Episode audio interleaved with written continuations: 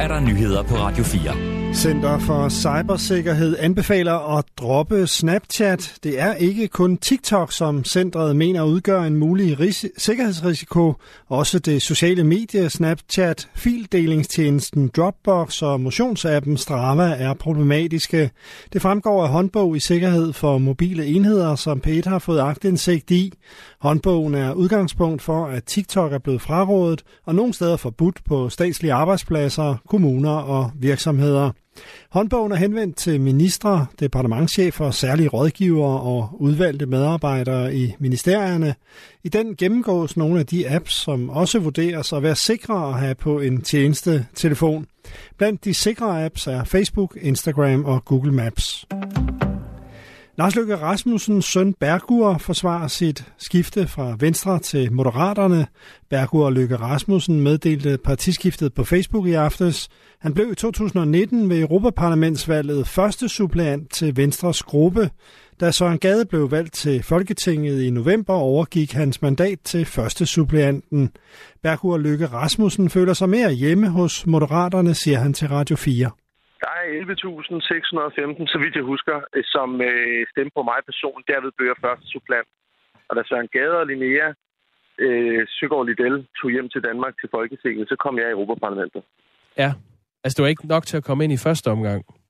Og så, så fik du så øh, Søren Gades plads. Jamen altså, jeg har valgt at skifte politisk ståsted, fordi jeg har fundet et sted, jeg føler mig mere hjemme. For cirka fire måneder siden var han stadig venstremand, fortalte han Radio 4. Når man som, øh, som søn af en øh, toppolitiker, som samtidig også er ens politiske forbillede, vælger at forlade det parti, man har været i, og stifte et nyt parti, så sætter det der nogle tanker i gang. Men den tankeproces er endt i, at jeg, som vi lige har talt om, stadig er medlem af Venstre. Jeg skal til regions, hvad hedder det, til Europaparlamentet for Venstre, og jeg bliver i Venstre. Bergur Løkke Rasmussen begyndte sin karriere i Venstre, da han som 17-årig meldte sig ind i Venstres Ungdom i Græsted. Rusland oplyser, at en aftale, der sikrer eksport af korn via Sortehavet, vil blive forlænget i 60 dage, det skriver det statslige russiske nyhedsbureau TASS. Ukraine er dog utilfreds med, at aftalen kun forlænges med 60 dage. Kornaftalen blev indgået sidste sommer med FN og Tyrkiet som malere. Det skete efter, at de globale korn- og brødpriser var skudt i vejret med store konsekvenser for især verdens fattige. Ukraine og Rusland hører til verdens største korneksportører, men Ruslands invasion af Ukraine sidste år gjorde det farligt for kornskibe at sejle gennem Sortehavet. Aftalen blev indgået sidste sommer. Den galt i 120 dage. Den blev forlænget med 120 dage i november og udløber 18. marts.